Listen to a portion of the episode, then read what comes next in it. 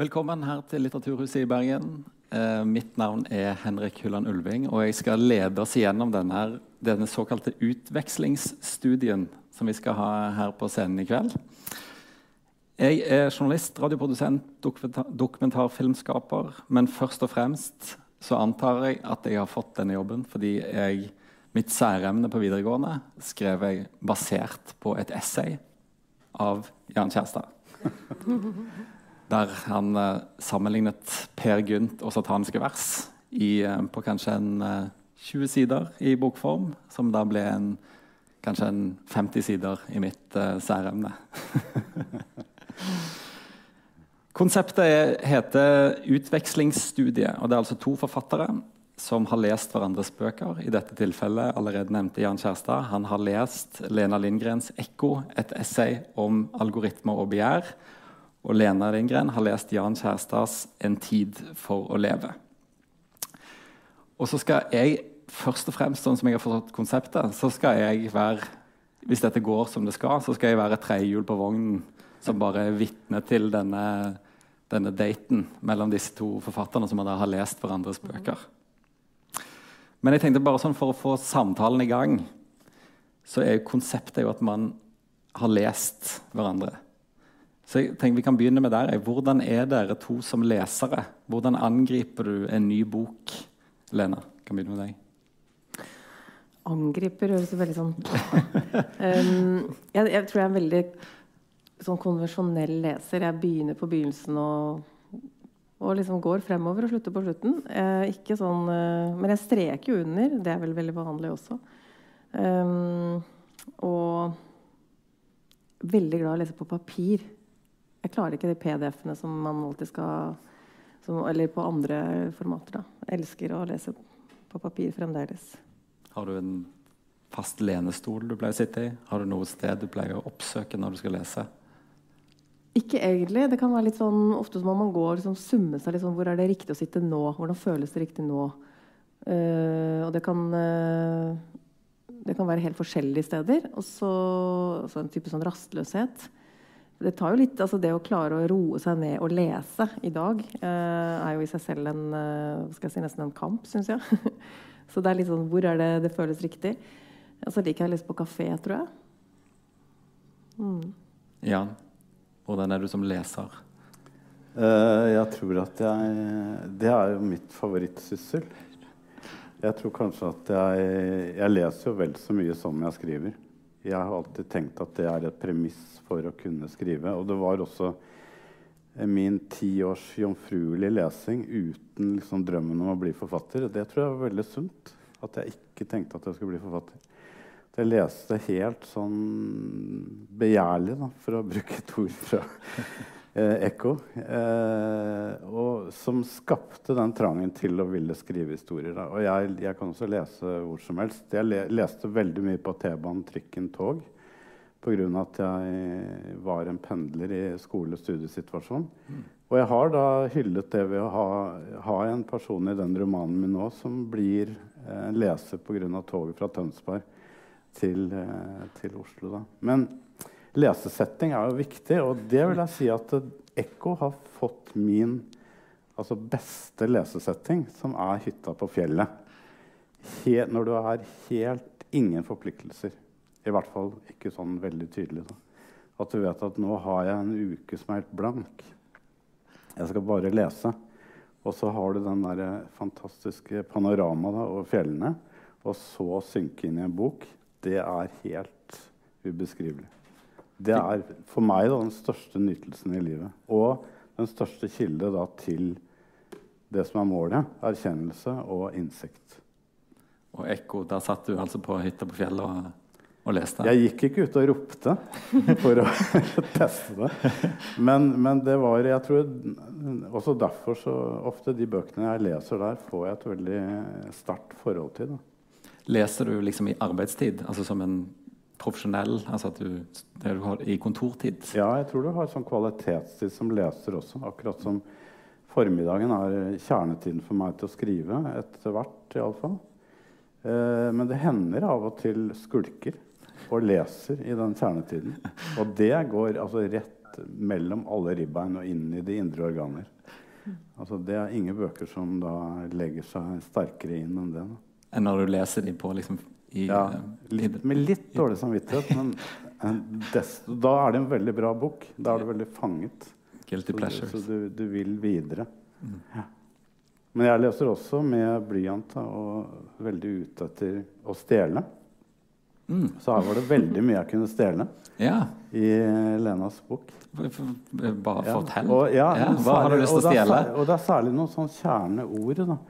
Og, og det første ordet jeg kom til, eh, som kom ganske tidlig, det var det som het eh, altså, eh, dypdistraksjon. Altså en type distraksjon som er mye mer enn at det liksom noe som flimrer, men du blir distrahert liksom, helt ned i fundamentet av din eksistens. Og summen av mennesker som blir det, det er noe av det denne boken handler om. Dyp distraksjon. Husker du Mm. Hva legger du i det? Altså, det er eh, et ord som eh, en, eh, en Google-teknolog selv Han sier 'deep distracted'. Han jobbet i Google og sluttet der for å bli filosof.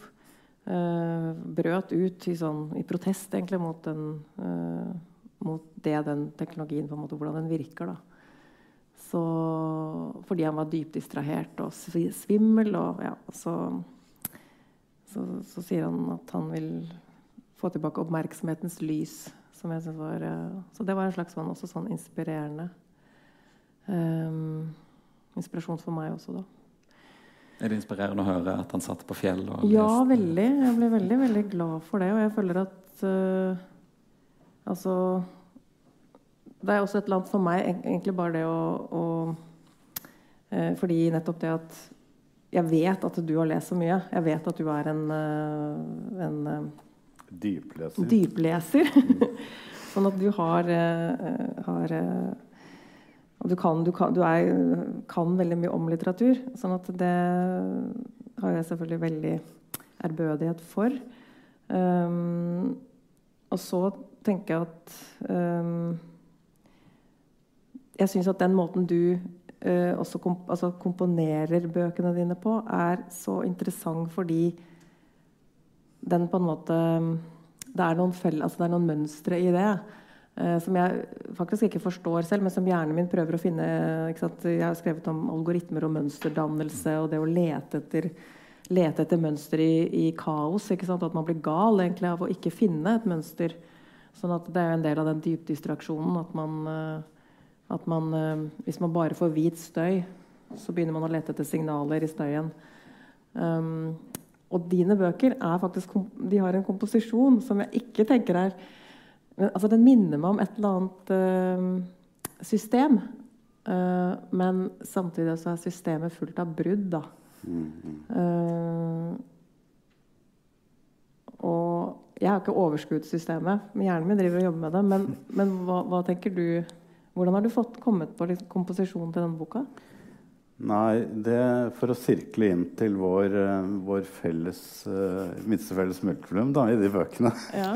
så handler det jo mye om oppmerksomhet. Vi Ja. slåss om Er det noe forfattere gjør, så er det jo å slåss om lesernes oppmerksomhet. Eh, og når vi da eh, i beste fall da, får en leser, så ønsker vi jo full oppmerksomhet. Nettopp for at leseren da kan eh, se lagene under altså Man snakker om undertekst eh, i romaner og noveller. At man kan se disse lagene som ligger under der. og som Jo dypere man kommer, jo mindre klarer man som leser å sette ord på det. Men det går inn i kroppen og blir altså, gjenkjent og, og blir liggende som en ordløs erkjennelse. Da. Men, men eh, alle forfattere drømmer om det, men vi vet i dag at eh, de leserne blir egentlig færre og færre. Rett og slett. Altså, det må vi bare se i øynene. Fordi at oppmerksomheten blir dratt eh, av gårde til andre ting. Som du skriver om i din bok. da. Men for å svare, på spørsmålet, så er jo Jeg prøver å forandre menneskebildet. Jeg har, jeg har liksom prøvd å løfte meg opp etter håret sjøl, som er umulig. da. Eh, ved å liksom tvinge meg til å finne nye skrivemåter. Og da må du forandre ditt menneskesyn. Altså, du må være så opptatt hele tiden av å lete i alt dette som skjer og skrives rundt oss. At du klarer å finne spennende alternative tenkemåter. Da. Så jeg har jobbet de siste 15-10 årene med darwinismen. Veldig for å se om det går an å finne en skrivemåte, da, en komposisjonsmåte fra den, som er veldig vanskelig, som jeg tror kanskje var et blindspor. Eh, og så har jeg jobbet mye, og det er sånn som man ikke tør å si høyt, da, med kvantefysikk. Mm. Altså på et sånn veldig amatørplan. fordi at alle kvantefysikere sier at det kan man ikke snakke om. Mm. Det er helt umulig. Du må bare stå på en tavle og, og skrive altså, diagrammer og mm. eh, formler. da. Men det er noe der. ikke sant? Så mitt menneskesyn nå er at uh, det er spennende synes jeg, å tenke at mennesket ikke bare er fast, sånn som vi ofte tenker, da. men at vi er flytende. At mm. mennesket er uh, ikke partikler, men at vi er bølger. Altså at vi er begge deler. da. Men det som jeg tenker er stemoderlig behandlet, er, er at vi er bølger. Jeg har vært veldig opptatt av Virginia Woolf og jeg har vært veldig opptatt av hennes roman 'Bølgene', da, mm. som har seks karakterer, kanskje sju. Men det jeg har da forsøkt å gjøre i min roman, for å si bare det, så kan vi bare droppe det etterpå, det er å skrive om tolv mennesker som møtes da i en sal og kommer tett sammen sammen med andre, 700 mm. andre mennesker. Og ved at de kommer tett sammen i en sal, så flyter de litt inn i hverandre. Altså de påvirker hverandres liv uten at de er klar over det. Eh, det, det, er sånn at alle får livet sitt litt eller mye forandret i løpet av den kvelden hvor de er på premieren til, premieren til Hedda Gabler mm. og ser dette stykket. Og to av personene er også da skuespillere på, på scenen. Mm. Og for å få til det, og nå er jeg på svaret, mm. eh, så må du inn under i teksten og legge noen sånn eh, eh, Tidsinnstilte Eh, noen mønstre. Noen mønstre kaller det det. Mm. Så, så, folk ser det at det, dette her har jeg sett før. Det var også mm. en annen person som har vært mm. eh, i Erbalonga på Korsika. Altså, vi, vi har noen fellestrekk. Eh, og det er ikke sånn at alle gjør det samme. Men to-tre av de, tre-fire av de er innom mye av det samme. Det er kanskje noe sånn eh, 15-20 ting som går igjen, som da en oppmerksom leser vil eh, kunne da se og oppleve og få i gang tanker om, mens en da uoppmerksom leser bare vil lese den overflatiske dramaturgien og, og tenke sånn vil Hedda Gabler uh, skyte seg i tinning til, mm, til, slutt da med en pistol som har skarpe skudd? Mm. Eller, eller, en, så, så, eller en blanding, som for min del. Ja, for av og til så leste jeg, og så lå jeg sånn der Fikk en déjà vu? Har jeg lest dette? jeg ikke lest dette før. Og så, mm. jeg, og så måtte jeg begynne å liksom, bla fram og tilbake. For, og så skjønte det, det, er sånn her, det er nettopp noen ekko som plutselig driver og mm. slår inn i hverandre i, mellom de forskjellige historiene. Men sånn som jeg så, så var det også to lag, på en måte, fordi én ting er jo disse tolv. Som, som, på en måte dumper litt inn i hverandre, sånn som disse kulene. ikke sant? Eller altså de, det var jeg så det var en som skrev sånn Det er akkurat som det det kommer trillende tolv klinkekuler ut av en pose. Og det er litt sånn så faller de inn i et slags mønster, og det mønsteret ble jeg liksom, hva slags, Er det et mønster, eller er det på en måte, er det tilfeldigheter? Er det, er det, er det bestemt eller, eller skjebne, eller hva? Hvor mye av dette er fritt? Da. Det, det, er sånn som man blir veldig interessert i også når man har jobbet mye med kunstig intelligens og algoritmer. og sånn, så blir man veldig hekta på sånne ting. Men, men Det er jo det ene. Men så har jo du, fordi du, som du sier Det blir litt mye sånn Hedda Gabler, men det er jo det som er uh, mysteriet her også. Det er jo at hun og Henrik Adler, som jo er skuespillerne, som du sier altså, Det kom et bitte lite kapittel om, eh, om Hedda Gabler Nei, om, om Hedda Kristine Foss, som er skuespilleren som skal spille Hedda Gabler, inn etter hver, disse uh, hver, hver av disse tolv. Sånn at det blir jo en annen komposisjon. Mm. I tillegg da, til mm. at disse kulene går sånn, så er det et, et mønster som um, Det er liksom flere lag, og disse to komposisjonene virker samtidig. da. Og det syns jeg var veldig ja, det, det, er veldig sant at det, at det, føles som en slags sånn Det virker i kroppen. At det er en fysisk opplevelse mer enn at man begynner Men hjernen begynner jo likevel å ja, lage det er, det er veldig viktig at du Jeg tenker Du jobber jo veldig mye med å treffe mellomgulvet til leseren også. Man, man, tror ikke at forfatterne jobber sånn. Det er det vi gjør. Man snakker ofte om emosjoner. da. Presisjon og emosjon.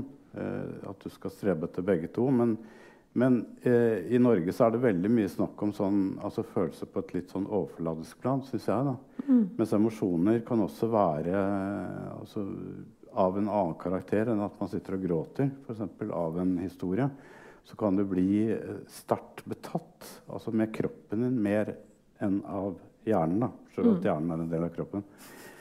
Men, men dette, jeg synes det er spennende, dette, for du snakker hele tiden om oppmerksomhet. Og, og, det er jo det fellesnevneren i våre to eh, bøker er jo denne Altså et samfunn som har eh, eh Som manipulerer oss mm. når det gjelder oppmerksomhet. og er, en forfatter eh, vil jo også på en måte stjele oppmerksomheten. Men det som er eh, interessant, er når et helt samfunn blir underlagt en veldig bevisst eh, eh manipulasjon, da, som du skriver om blir gjort via algoritmer. Og det er også interessant, at en forfatter jobber også med på en måte en oppskrift med en algoritme. når han eller hun skriver. Mm. Eh, så det er et slags mikrokosmos av det store vi ser nå, men på, på, et, altså på et, helt annet plan. Mm. Men det er et slektskap der som ikke alle ja. ser. Mm. Og jeg tenker at det kan også være da snakk om gode algoritmer og dårlige eller onde eller dårlige algoritmer. Mm. For du er mest opptatt av de, de betenkelige algoritmene. Ja, det, altså, algoritmer er jo bare en oppskrift også på altså Det er bare et program, en oppskrift for å løse et uh, problem. Så det fins ikke onde algoritmer. Algoritmer har ingen vilje. Uh, sånn sett. Uh, men det fins veldig store insentiver da, i, i, Silicon Valleys plattformer for å suge til seg vår oppmerksomhet. Sånn at hver, når gang vi skrur på skjermen, så går det liksom et kobbel av altså tusenvis av algoritmer på for å lagre og sanke vår oppmerksomhet fordi de skal eh, altså den skal jo selges. Det er jo salg av oppmerksomhet som er forretningsmodellen til, til Facebook og Google og for så vidt uh, Twitter og Netflix og alt. Mm. Og, og det, det, er bare Ja, altså Har du mulighet til å hoppe et lite steg tilbake og fortelle litt om hvor bokideen kom fra? Altså hvor, eh, når du begynte Når begynte hele mm, ja, altså, essayprosjektet? Ja. Mm. Jeg tror um, den, uh, det er liksom en indre og en ytre faktor. Den indre faktoren var sånn altså, at jeg eh, også kjente den dype distraksjonen. Eh, og opplevde en sånn dyp egentlig slags jeg kaller det i boka en virkelighetsutglidning. Altså hvor jeg syns at at eh, nå er det så mye sånn tunnelsyn og ekstremt mye mistenksomhet og krangler på, på, sosiale medier og skittstormer og konspirasjonsteorier som sprer seg. og sånn, Det er et eller annet eh, som, uh, som altså liksom Spamfilteret i hjernen bryter sammen. sånn at Og da Det var liksom den indre motivasjonen. Så dro jeg til Silicon Valley for, fordi at jeg fornemmet at det var et sted hvor man kunne finne ut av det. Og det var veldig mislykka. Jeg kom ikke noe vei med det. Men jeg uh, Hvor lenge var du der? Hmm, hvor, hvor lenge, lenge, var, du der? Jeg var der i prøv, to, to, uker. Ja. Og jeg prøvde jo å komme inn Men det var altså sånn altså, Da kan man selvfølgelig få komme inn i en sånn kommunikasjonsavdeling med noen proffe folk som slår en plate gjennom et eller annet. Altså, det, så, men du gikk og banket på dørene, rett og slett? Hmm? Du gikk og banket på ja, dører? Ja, jeg gjorde det. Jeg gjorde det. Ja. Hvilke dører?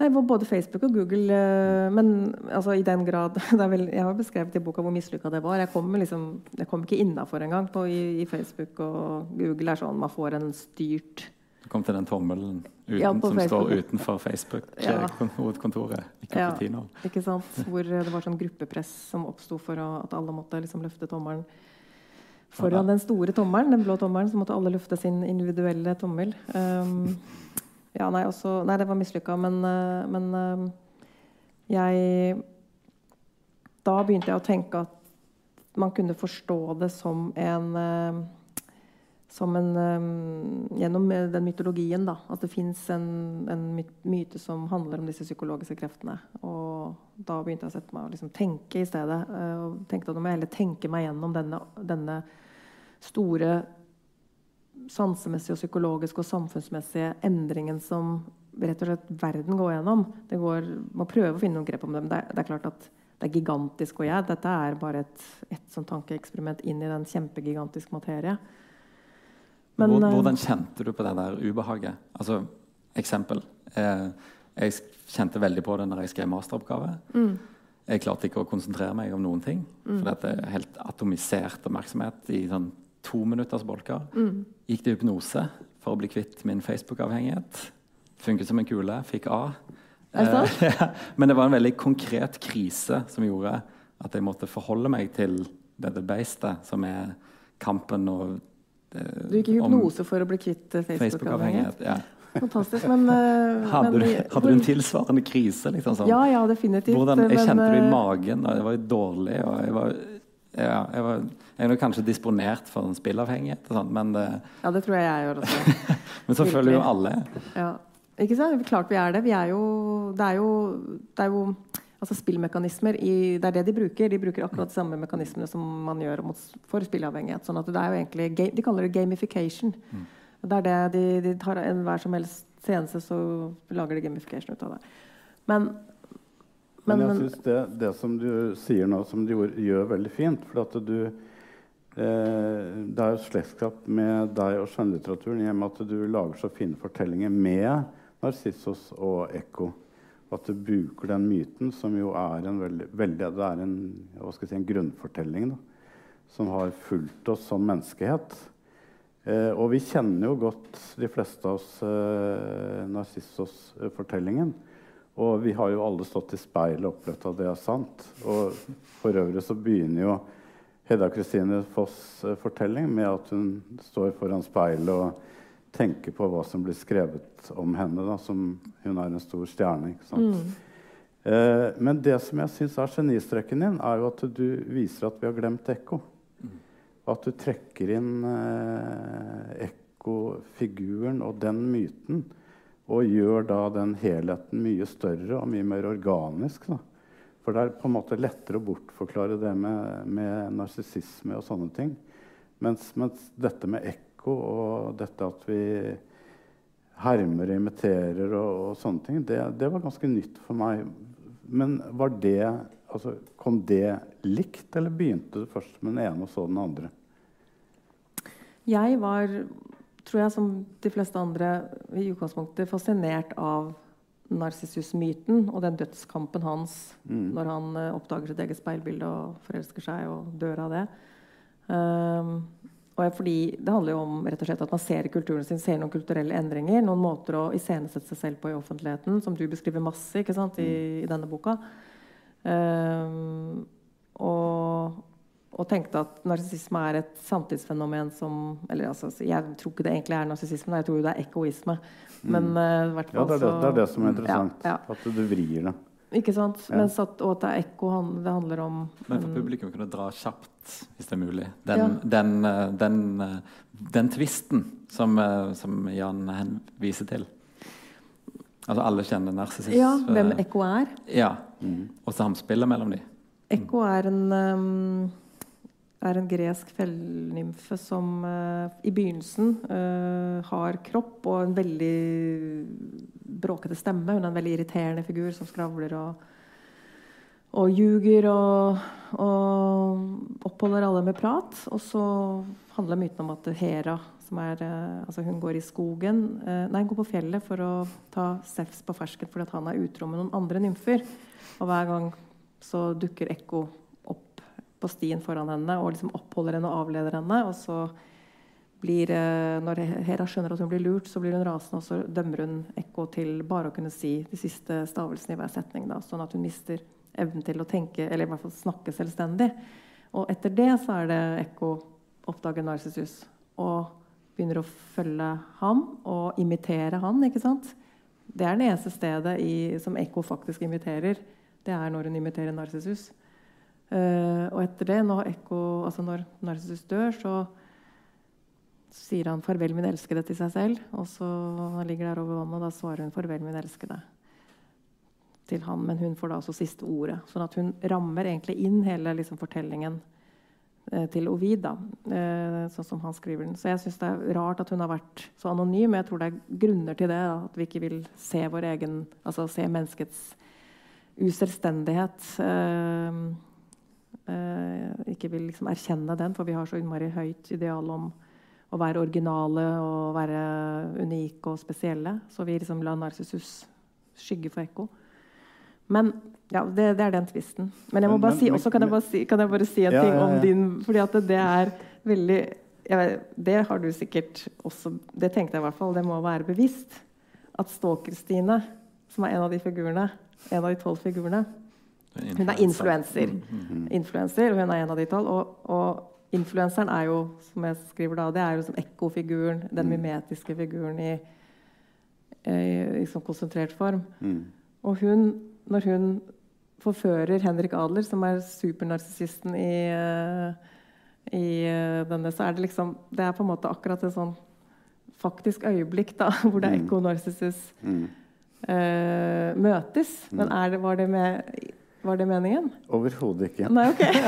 jeg tenker sånn. Nei, men Det det viser bare det jeg sier, at dette er jo en grunnfortelling. Sånn at Ja. eh, jeg håper å si den, eh, den ser du Du gjør det ubevisst. For når du er menneske, så kjenner du disse fortellingene. Det er derfor også de appellerer så sterkt til oss og forklarer oss ting. Da. Og psykologene bruker det jo. Mm. Men det interessante er at psykologene bruker eh, narsissos, men ikke ekko. Mm. Så kanskje det blir en sånn ny eh, diagnose nå. Men jeg tror det. At du går i bresjen for det. Fordi det er veldig mange som har mort seg med å lage diagnose på Hedda Gabler. Altså hva er det hun Mm. lider av? Og Ja. veldig mange sier da at hun er altså narsissist. Ja. Er noe av det første de tenker på. Da. Er det?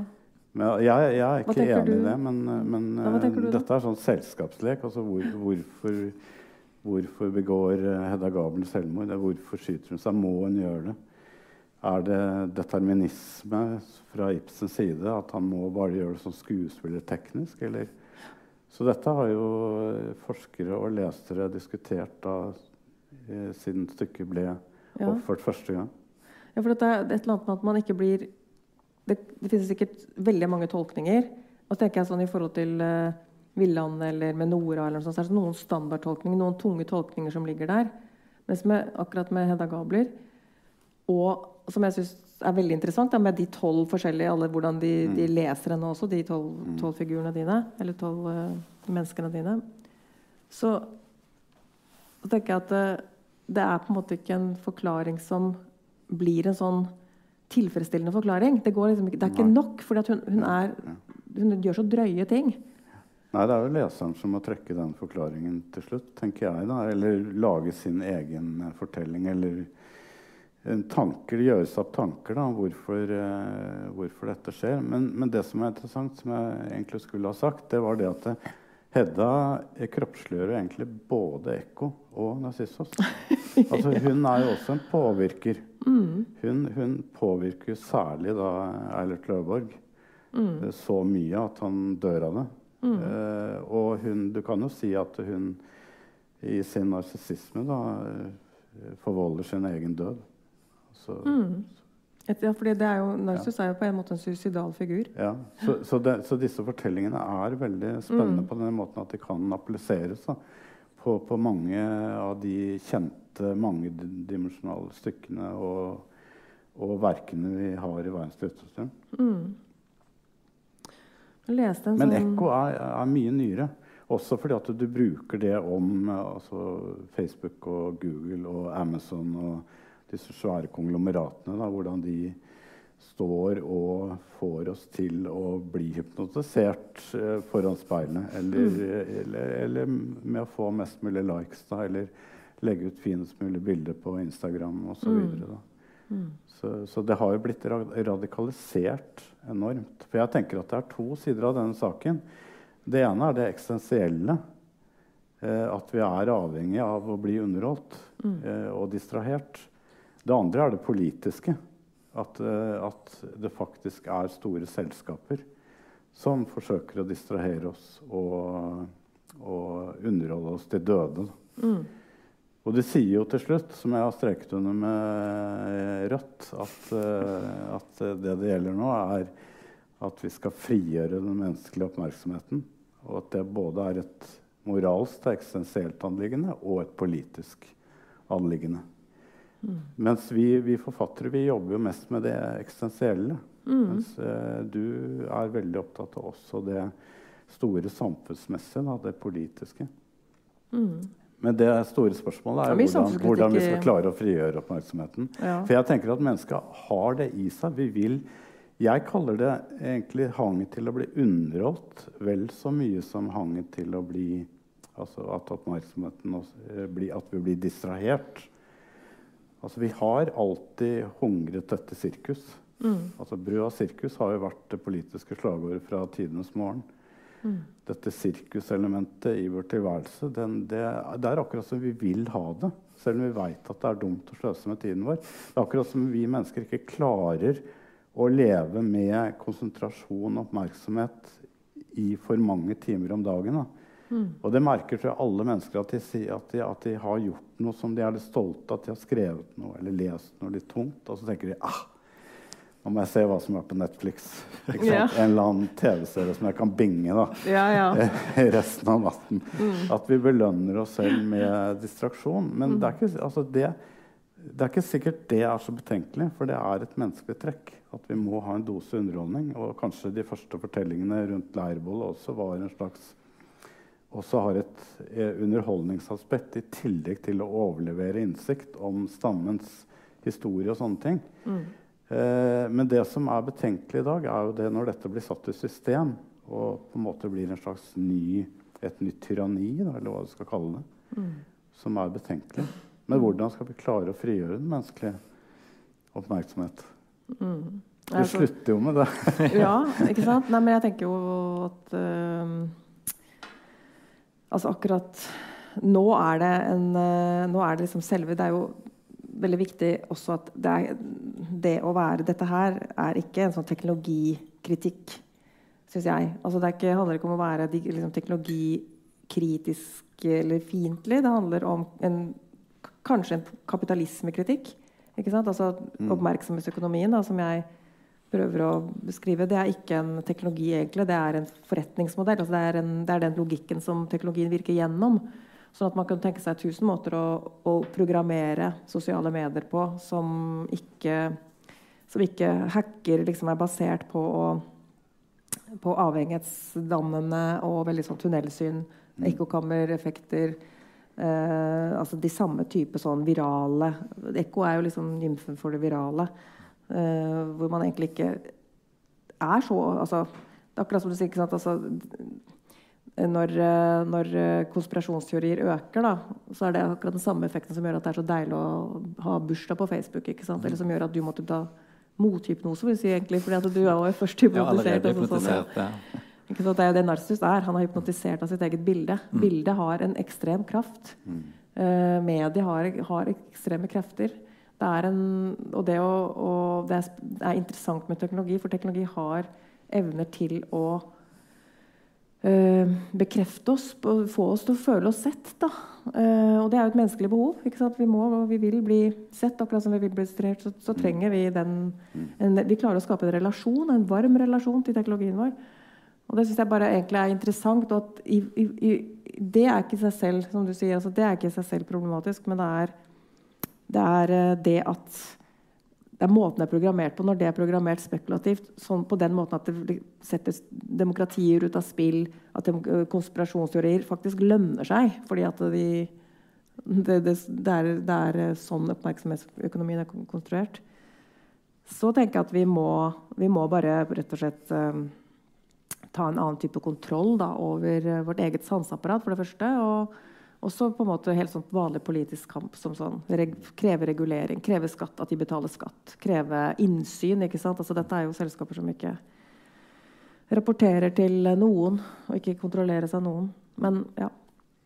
Dette, dette handler også veldig om medier, og du, du skriver også veldig fint om og annerledes av Marshall McLuhan, som, som, mange har som sånn uh, barnelærdom. Vi bare kan det ene slagordet, men du, du sier andre ting om han. Men altså at medier alltid gjør noe med samfunnet, også med den menneskelige bevissthet. Da. Kanskje til og med med menneskesyn og sånne ting. Og så glemmer vi litt at en gang så har jo romanen også vært der. Mm. Altså, romanen var jo en eh, skrekkelig tidstyv da. mm. for, på, på 1700- og 1800-tallet. Så Mm. var jo det liksom Facebook. Ja, du har Madame Bovary, ikke sant? Ja, det ja sånn og det, det begynner med Cervantes Ja. og Don Quijote, som forleser seg på romantiske ridderromaner. Ikke sant? Og, og da er det akkurat som du sier, altså, å gå, glir over i en annen virkelighet. Ja. Eh, og det er, det, det er jo det som hele tiden man er eh, anklager dette under, underholdningsapparatene for, er at, er at det får mennesker til å flykte fra virkeligheten. Mm.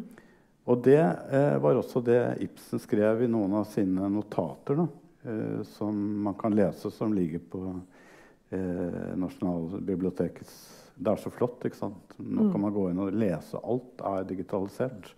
Så noe bra har jeg også Mm, Mm. Ja, ja, ja, den teknologien. Men da, da, da, han har jo skrevet masse notater om, om eh, når han gikk og tenkte på Hedda Gabler. Og et sted så, så flere steder så er det både det at Eil Løborg og også Hedda Gabler flykter fra virkeligheten. At det er et av deres sterkeste karakterdrag. Da. Eh, og det er noe som alltid lesingen har blitt beskyldt for å gjøre, eller få mennesker til å gjøre. Da. Altså eh, at foreldrene sier til barna må du ikke sitte og lese. Du, du må gå ut og spille fotball, eller eh, altså Du må gå ut i virkeligheten. Mens det å lese er en flukt fra virkeligheten. Så jeg tenker alltid at det å lese, det er å utvide virkeligheten. Det er å liksom, på en måte skape mer virkelighet. Da. Men eh, mye av den eh, anklagene mot skjønnlitteraturen har gått på akkurat det at det er skadelig.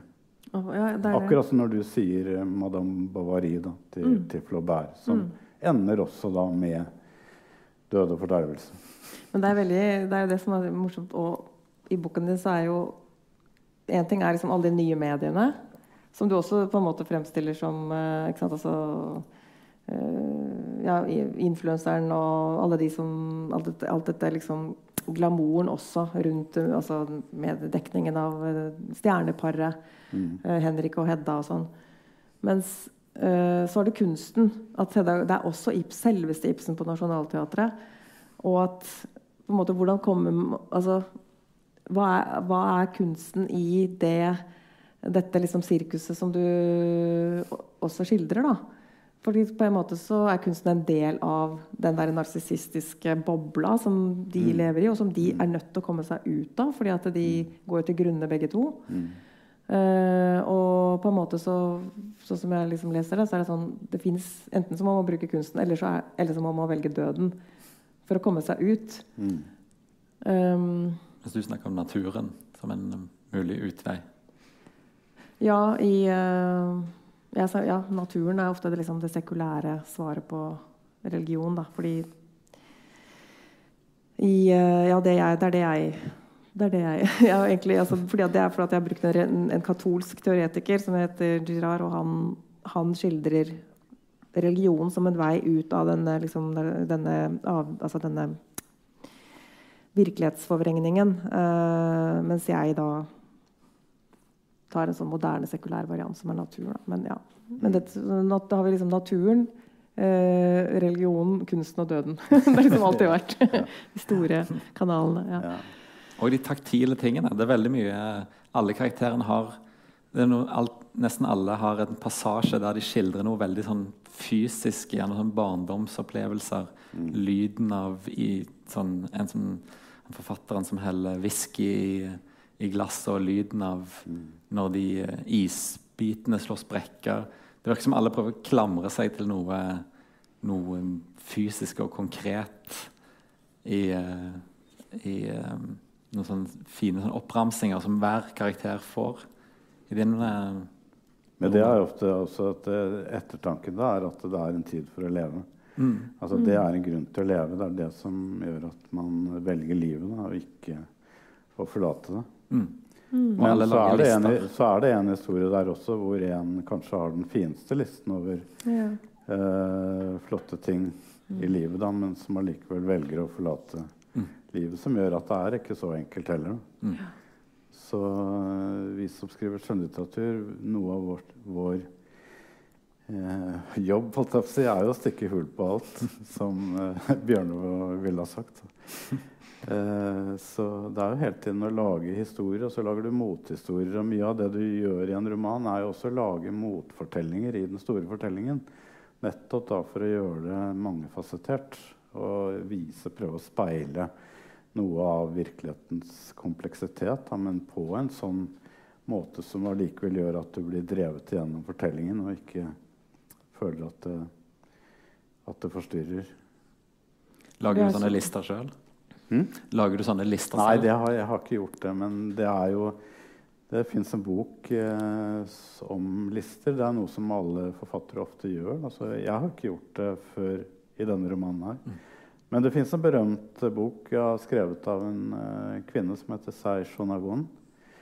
Som er altså japansk, som er fra middelalderen, fra ja, rundt 1000-tallet. hvor det er veldig- Som er berømt for at den har mange lister med nettopp sånn veldig sanselige ting. da. Jeg kalte det, det er Amelie-lister i mitt ord. Sorry. Ja. Nei, altså, det, det er akkurat den Det mm, kapitlet, eller den uh, delen om hun, uh, hun Linnea, da, som Mm. han snakker om nå, Mm. er eh, veldig den, er, den står liksom ut på en helt annen måte enn de andre, syns jeg. Den er veldig, veldig, veldig sterk. Ehm, fordi det jo er en sånn selvmordstematikk ikke sant? gjennom Hedda Gabler og disse skuespillerne og dette liksom spektakulære man kan, som er sånn reality-selvmord. Altså på en måte effekt. da. Og det er det eneste som nå man kan få nok oppmerksomhet på. Så de kjører av gårde med en sånn der grandios uh, narsissistisk fantasi, egentlig, de to. Mm. Og så er det inni der, da, en eh, skildring av eh, en far uff, er, som uh, mistet datteren i et selvmord. Og, så, og der, det, det syns jeg også er veldig sånn annerledes skrevet. Uh, og det er helt uforståelig hvorfor, og han bare sørger og sørger og sier at hun har Han blir sorgzombie, da, sier han. Hun har ødelagt Jotunheimen. uh, han er på fjellet og ja, Men det Men hva Ja. Ja, men det er også et speil. altså Hvorfor tar denne flotte jenta livet sitt? Og hun har jo skrevet en liste om hvor mange grunner det er til å leve. Altså Nesten motsatt den der eh, tenåringsserien som går. Altså 13 grunner til å forlate livet, eller hva den heter. Eh, eh, så, så her er det jo også Han også går igjennom mange teorier, sånn som alle foreldre nok vil gå igjennom. Da. Men en av teoriene er at kanskje hun, kanskje hun valgte å forlate livet for at hun var lykkelig. At det var, hun bestemte altså Nå var det nok. Hun hadde fått det hun ville. Eh, men det er jo helt utålelig for en som sitter tilbake, å eh, ta til seg en sånn eh, mulighet. Da. Men det er jo akkurat det samme med Hedda Gabler. Hvorfor, hvorfor eh, velger hun å forlate? Altså, jeg har tre teorier. Jeg kan bare si det, siden vi snakker litt om henne. En er at det er helt tilfeldig. At det det er ikke Jeg, jeg, jeg, altså jeg hater den der ibsenske determinismen med at han kjører henne knallhardt inn på det bak forhenget, og at det er eneste løsningen. Selvfølgelig, hun må dø. Har ikke noen annen løsning. Jeg tror hun har mange andre ting du kan gjøre. Men, men jeg har jo jeg kjenner, alle, alle har jo vært borti eh, sånne tilfeller hvor gode venner eller nære eh, forlater eh, ikke, Velger å ikke leve, da. Og, og ja, ofte så er det helt tilfeldig. Altså, det skjer der og da. Det skjer på noen sekunder. Og det er ikke gitt at, at eh, man vil aldri kunne forklare. Men det er et øyeblikks innskytelse. Det kan det ha vært. Det tenker jeg. Det andre er at hun er skikkelig syk. Hun er altså, har en psykisk lidelse som eh, det ikke fins noe eh, diagnose for. Som er mye mer enn altså, depressiv narsissisme eller hva det måtte være. Men altså at hun er skikkelig syk. Og den tredje teorien er at det er kjærlighetssorg. Det er den jeg liker best. Da. Ja, men jeg, jeg tror hun elsker Eilert Løvborg og ikke klarer å leve etter at han er død. Jeg skriver ikke om det. Er, er, har ikke er skrevet om det men hvorfor brenner hun da boka hans? Manuset hans? ja, ja, nei, altså, hvorfor, Hva gjør man ikke i kjærlighet? Altså, Ja, men- dette, dette ja. her er jo halve verdenslitteraturen. handler jo om at man brenner sin elskedes flotteste ting Ja. av helt irrasjonelle årsaker. Nei, altså hvorfor brenner hun uh, hans barn eller deres ja, det, er, det er helt forferdelig, altså den scenen når hun brenner det manuskriptet. Det er jo og Hvordan det le løses også teaterteknisk. Det er jo 100 måter å gjøre det på. Eh, så det Hvor mange Mm, versjoner av Hedda Gabler har du sett? Nei, jeg har ikke sett mer enn uh, alle dere som er her. Og folk flest kanskje ja, La oss si ti, da. Jeg tror ikke jeg har sett mer enn ti. Ja, okay. Ja. Eh, Litt om eh, deres forhold til research. Der, du skriver jo Jan, veldig mye om influenserkultur og det mitt, altså sånn, jeg, sånn som jeg det, det lille jeg kan om sånn influensersjargong og, eh, og eh, SoMe-språk Det virker som du vet hvordan man snakker om det, eh, og hvordan karakterene eh, snakker om det. Er det helt tilfeldig, eller har du eh, snakket Ja, Hvordan nei, ja, går det fram? man prøver jo eh, jeg skal prøve å si det klart, Man prøver å gjøre så lite research som mulig. Mm. Eh, og, og de fleste som lever i dag, har jo veldig mye innabords. Og du har så mange rare venner. Og ja, du har jo foreldre og Du har vært verden rundt. Eh, så det er, det er så mye å ta av. Eh, det som er vanskelig, er at når man trenger ting som man ikke kan Akkurat det med influensere og sånn, det er ikke noe vanskelig, for jeg har fire døtre. Så de, de har dette, hører det språket, og du må egentlig bare skrive ikke ha minst mulig av det.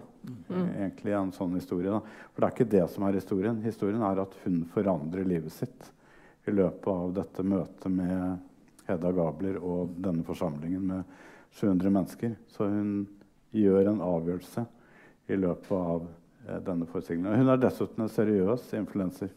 Hun, hun er dyktig, og det er eh, flott det hun gjør. Altså, det er ikke sånn tullball. Jeg har ikke villet være ironisk om henne. Hun er en god, ganske respektert eh, influenser. Men det som er vanskelig, er sånn du skal skrive om en britisk diplomat, som jeg også har valgt skal være en av de tolv karakterene. Da. må jeg gjøre litt research. Da må jeg ringe til, eh, til ambassaden, eh, altså den britiske ambassaden og spørre kan jeg være så snill å få snakke med en, en av de yngste hos dere. Da, for dette er jo en yngre mannlig britisk diplomat. Og så må jeg høre sitte og det, det, sånn, Dørene åpnes alltid. Og så er det forfatter, så er det rød løper overalt. Jeg tror jeg aldri har fått nei. Jeg, altså, jeg tror Hvis du hadde vært skjønnlitterær forfatter, så hadde du kommet inn i Google Ja. og Facebook. Altså, det er et eller annet veldig rart med det. eh, altså, akkurat som folk Enten så er de ikke redde, for de tenker at det er bare duster. Så de kan ikke gjøre noe skade. Og de er bare redd for deg. For de skjønte at du var skarp. Dette kunne være farlig. Men uansett da, så får du komme inn, og da, er det, da har du liste. Da spør du sånn Hva er det du jobber med hver dag? Altså, Hva er hovedoppgaven din? Altså, hva tenker du om Norge? Hva er vanskelig med å lære seg norsk språk? Altså sånne ting. Sånn research må man gjøre. Hvordan er det for deg, Helene? Um, ja, jeg tror jeg gjorde mye research, egentlig. Um, men um, men ikke sånn, hva skal jeg si Bare mye type sånn, le, måtte liksom lese mye nye ting jeg aldri hadde Nye fagfelt, da. Det, det er jo Ta en artikkel ut av luften. Ikke sant? Jo, ja. Det, det, det, skriver meg liksom, det er noe teknologi, det er psykologi, det er noe vitenskapsteori, det er, eh, eller, og det er eh, nevrologi, og det er um, Det er Hva skal jeg si Mye Altså uh, sosiologi og, og samfunnspsykologi og altså alle disse forskjellige fagene. Dette er jo Jeg driver jo helt sånn uhørt bare og lager en Smeller alt sammen. Det kunne man bare gjort. Det kan jeg bare gjøre fordi jeg er journalist. Altså, jeg kan nettopp da liksom stjele eller sette ting sammen, og så Og så er jeg selvfølgelig nervøs for at jeg fornærmer noen faglige autoriteter, men uh, prøver å, å liksom, ja, lage en egen teori ut av det her, da. Som, uh, så jeg, jeg, har jo satt meg inn i ting. Ta, ta et eksempel på en artikkel. Du, en, en, artikkel. En fagartikkel. Um, var det noen som ga deg et sånn eureka-øyeblikk? Ja, jeg har, jeg har lest uh, mye om speilnevroner. En, en til? Spe, speilnevroner. Ja, Hva er det for noe? Det er Vittorio Galeses altså det store Det som um, ble det eksperimentet i uh, på midten av 90-tallet, hvor man oppdaget speilnevroene. Mm. Uh, det var jo et uh, sånn tilfeldighet egentlig at, uh, at, de oppdaget det. Fordi de forsket på hjernen til sånne makakaper. Mm. og så var det en forsker i en pause som grep etter en, et eple. Og så så de plutselig at, at elektrodene rundt hjernen til den ene apen begynte å lyse. Og da skjønte de at den, altså, de elektrodene begynner å lyse fordi i apens hjerne så, så, er det som om den samme bevegelsen utføres selv om apen faktisk ikke gjør det selv. Og makakapens hjerne er veldig analog til menneskehjernen. da. Så speilnevroene er, ingen, det er jo en, en, vitenskapelig hva skal jeg si, sensasjon. Men mange, etterpå ble det veldig mange store teorier om hva den egentlig forteller. Mm. Uh, det, det, ble kalt for empatinevron, og det var veldig sånn flott klang. liksom Poetisk klang. sant? Men, så det er veldig strid om, om det faktisk er så Så sier så mye. Uh, men vi har speilnevroner. Vi har speilsystemer i hjernen. da. Så det er interessant i forhold til liksom, at hele speiltematikken og i uh, jeg, jeg, tror det er interessant, eller veldig vesentlig det du sier der. For at du viser også eh, hva som er en tendens i dagens eh, sakprosa. Det er at eh, som, som, leser da, så ser jeg det at eh, de siste 30 eh, årene så, så ser man det at eh, sakprosabøkene er komponert på en mye mer sofistikert måte enn de var før. Altså på en måte så trekker eh, dere veksler på skjønnlitteraturen. Mm. Og så trekker vi eh, skjønnlitteraturforfattere veksler på det beste sakprosaen. Så man snakker litt om sånn hybridlitteratur i dag, men du ser at det som jeg syns er en veldig styrke med din bok, er at du nettopp har da flettet inn eh, så, eh, så, mye innsikter fra ganske sånn motsetningsfulle eh, områder eh, i en veldig spenstig komposisjon som gjør at helheten liksom blir mye mer enn enkeltdelene, for å si det med en uh, klisjé. da. Eh, eh, og det, det, er nettopp det som gjør at eh, jeg tror at innsikten du får av dagens sakprosaboka, og særlig Lena Lindgrens ekko, da, det, er, er, nettopp den der gevinsten ved at det er, det er mye mer gjennomarbeidet. Altså det er nesten sånn kunstnerisk formet da, som gjør at du får en, et helt annet utbytte av det. I hvert fall får jeg det som leser enn jeg gjorde før, hvor det var liksom mer sånn plankekjøring. De fikk bare presentert eh, ett tema. Ferdig med det. Mm. Hvordan har du researchet Peter Thiel, og hvem er Peter Thiel, for de som ikke kjenner ham? Um, Peter Thiel er en um, Takk skal du ha. Jeg må bare si at du sa det. Jeg ble veldig glad for, fordi at du er så utrolig sånn komposisjonsmester. Så jeg blir veldig Bare få lov til å si det først. Um, nei, Petter Thiel er en um, investor i Silicon Valley som um, i, ja, Han er liksom kjent for å ha grunnlagt PayPal sammen med Elon Musk. Uh, I dag driver han Eller han eier en, en, stor del av uh, Palantir, som er et sånt an, hva skal jeg si, overvåkningsselskap. De analyserer stordata. Um, og jobber, jobber, altså Det selskapet hans jobber tett med amerikanske hæren og var, fikk veldig ekstremt mange nye lukrative kontrakter i Trumps presidentperiode, da, fordi Petter Thiel er uh, finans, finansiert også deler av Trumps valgkamp og var teknologisk rådgiver for Trump. Den eneste Silicon Valley-magnaten som er republikaner? mer eller Ja, i hvert fall den, det kjente. Kjente. Ja, for han er jo veldig irritert på Silicon Valleys politiske korrekthet og demokratene, da, som han ofte kritiserer. I tillegg er han transhumanist. Han er sånn into cryonics, sånn som skal fryses ned etter han dør. og sånn. Um, For at da kan man tine han opp igjen når, eh, når tiden blir moden for det. Men grunnen til at jeg egentlig interesserer meg for han da, det er at han um, var eh, Han er noe som heter girardianer, og den teorien som heter Som, som René Girard som jeg, som jeg bruker mye av, som, som er en, hans, en, en fransk filosof, men som, som underviste i Silicon Valley. Mm. Som bodde i 30 år i Silicon Valley, og hadde Petter Thiel som elev. Mimetisk teori. Og på den tiden da Petter Thiel eh, var studerte eh, mimetisk teori og, og jobbet sammen med Girard tett, så møtte han Mark Zuckerberg og investerte, gjorde en stor, avgjørende eh, investeringen i Facebook. Den var ikke så stor, men den var liksom avgjørende for Mark Zuckerberg der og da, fordi det var så tidlig. Og så kom han inn i styret i Facebook, og har sittet der siden, så han er liksom en, han, han er hva skal Jeg si, han jeg kaller han for gudvar, gudfaren i gudenes dal. da. Edderkoppen i internettet. Han er en liksom, jeg har laget en sånn total sånn komplett konspirasjonsteori egentlig om Petter Thiel, hvor han er den som ser alt og forstår alt og er, har liksom masterplanen. da, Og har laget en sånn gigantisk mimetisk teknologi. og jeg, jeg ble ganske sprø. eh, Ja, for det virker Når man leser, så føler jeg at eh, du, du har liksom forsvunnet ned i et kaninhull selv. ja, jeg gjorde det skikkelig. Er det reelt? Var det sånn du Ja, ja, satt ja, opp og ja virkelig. Nei, så jeg satt og... Men jeg tror egentlig at det er det som skjer. Og det var jo, altså jeg begynte å gjennomskue min egen hjerne.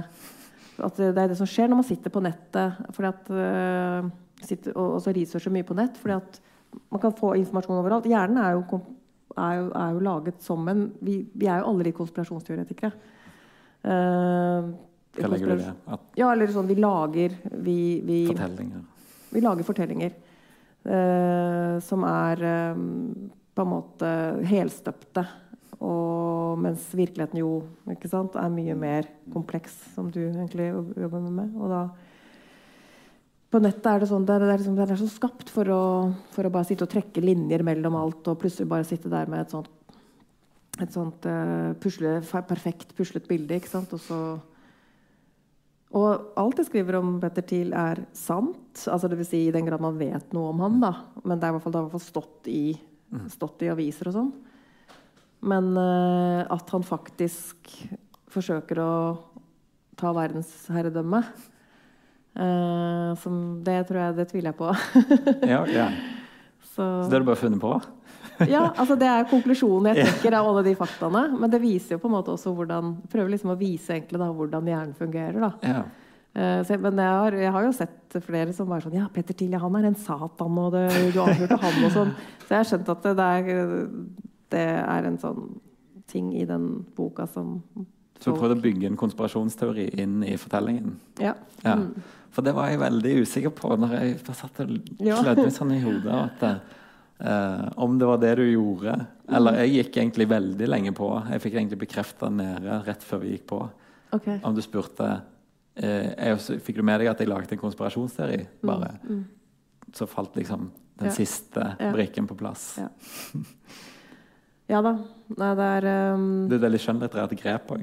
Å ta Eller, um... og sånn Jeg burde kanskje Jeg lurer noen ganger på om jeg burde skrevet det. unreliable eh, narrator på et vis. At det blir en upålitelig forteller, òg Ja, i det. sagprosa. Det er det, sant? det er det som er vanskelig med det. Mm, og også fordi at uh, det er veldig viktig at jeg ikke blir en upålitelig forteller i de andre altså i de kapitlene som er mellom. fordi det er jo på en måte det, det, det, Der føler jeg at jeg er dristig og må bli trodd, liksom. Uh, sånn at når det kommer en upålitelig forteller innimellom, så syns jeg egentlig Så jeg følte at det var kjempevanskelig. Og jeg ser at folk altså folk skjønner liksom, Det står jo rett ut på slutten at jeg har laget en konspirasjonsteori, men jeg tror egentlig at den litt halvsprø stemmen som er der før at Folk tror at det er altså De ser ikke forskjellen, men det at Hvis Jan kjæreste hadde skrevet, så hadde han sikkert klart å Ja, men det, dette, til. dette er er også sånn eh, Også typisk da med den nyere generasjonen som skriver sakprosa, at eh, man er med som jeg. Mm. Det var det ikke før. Altså, nå nå Ja. er du altså, Du skriver deg inn i fremstillingen, Mm. og som også gjør det, tror jeg, appellerer også da eh, mer naturlig til leserne. Da, for du blir en slags eh, eh, Vergil da, som fører oss dante mennesker gjennom de sirklene som uh, enten går til paradis eller til helvete. Men det, jeg tenker sånn uh, at det som jo jeg blir sittende igjen med når jeg er ferdig, er det der fortvilte spørsmål. Ja, men hva gjør vi? Dette er jo skummelt, altså. Mm. Uh, det du ender med som en usagt konklusjon. Og jeg tenker sånn i forlengelsen at nå gjelder det egentlig å skrive mot algoritmer. Eh, og det gjelder å skrive altså mot dyp distraksjon-fortellinger. Altså, mm. det er det som jeg tenker at jeg er min oppgave. Da, at jeg må skrive romaner som da eh, på en eller annen måte kan ta dette her opp i seg. Altså, som også da kan vise seg verdig da, blant de som er distrahert. At de, at de tenker sånn at eh, ja, jeg må bruke tid på dette her også. Jeg ser at det kaster ting av seg. Mm. Sånn, eh, og kanskje da også mm, legge en torpedo under arken da, for å snakke med vår venn. mm. Forfatteren av Hedda Gabler. Mm. Eh, på en eh, måte som kan være fruktbar, da, vel å merke. Mm.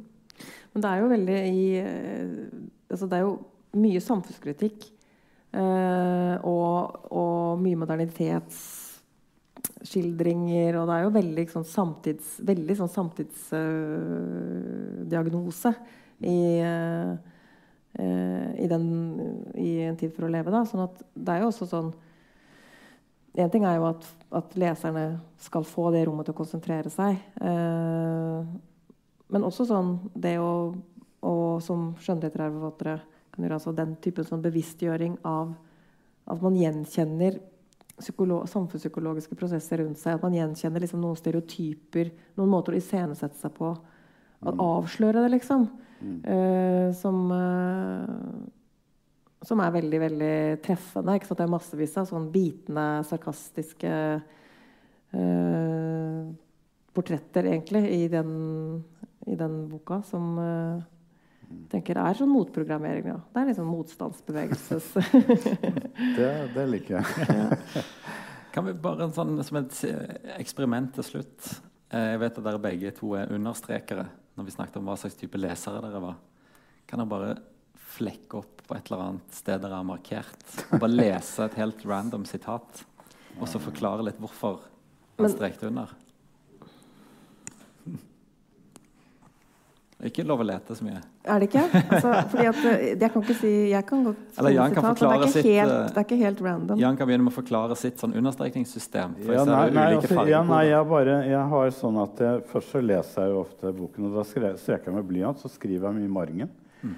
Det som står i margen, er sånn dette med å stjele stoff. Så, så det, vil, det, er bare jeg som skjønner. Det er på en måte ikke Ofte kan det være så fint at jeg får en helt ny idé som nesten ikke har noe med det å gjøre. Men da er det, det avsnittet så bra at det har rett og slett fått noe til å flamme opp i meg. Eh, det har det fineste. Men la meg se her, da. Og så leser jeg det på nytt og bare blar igjennom.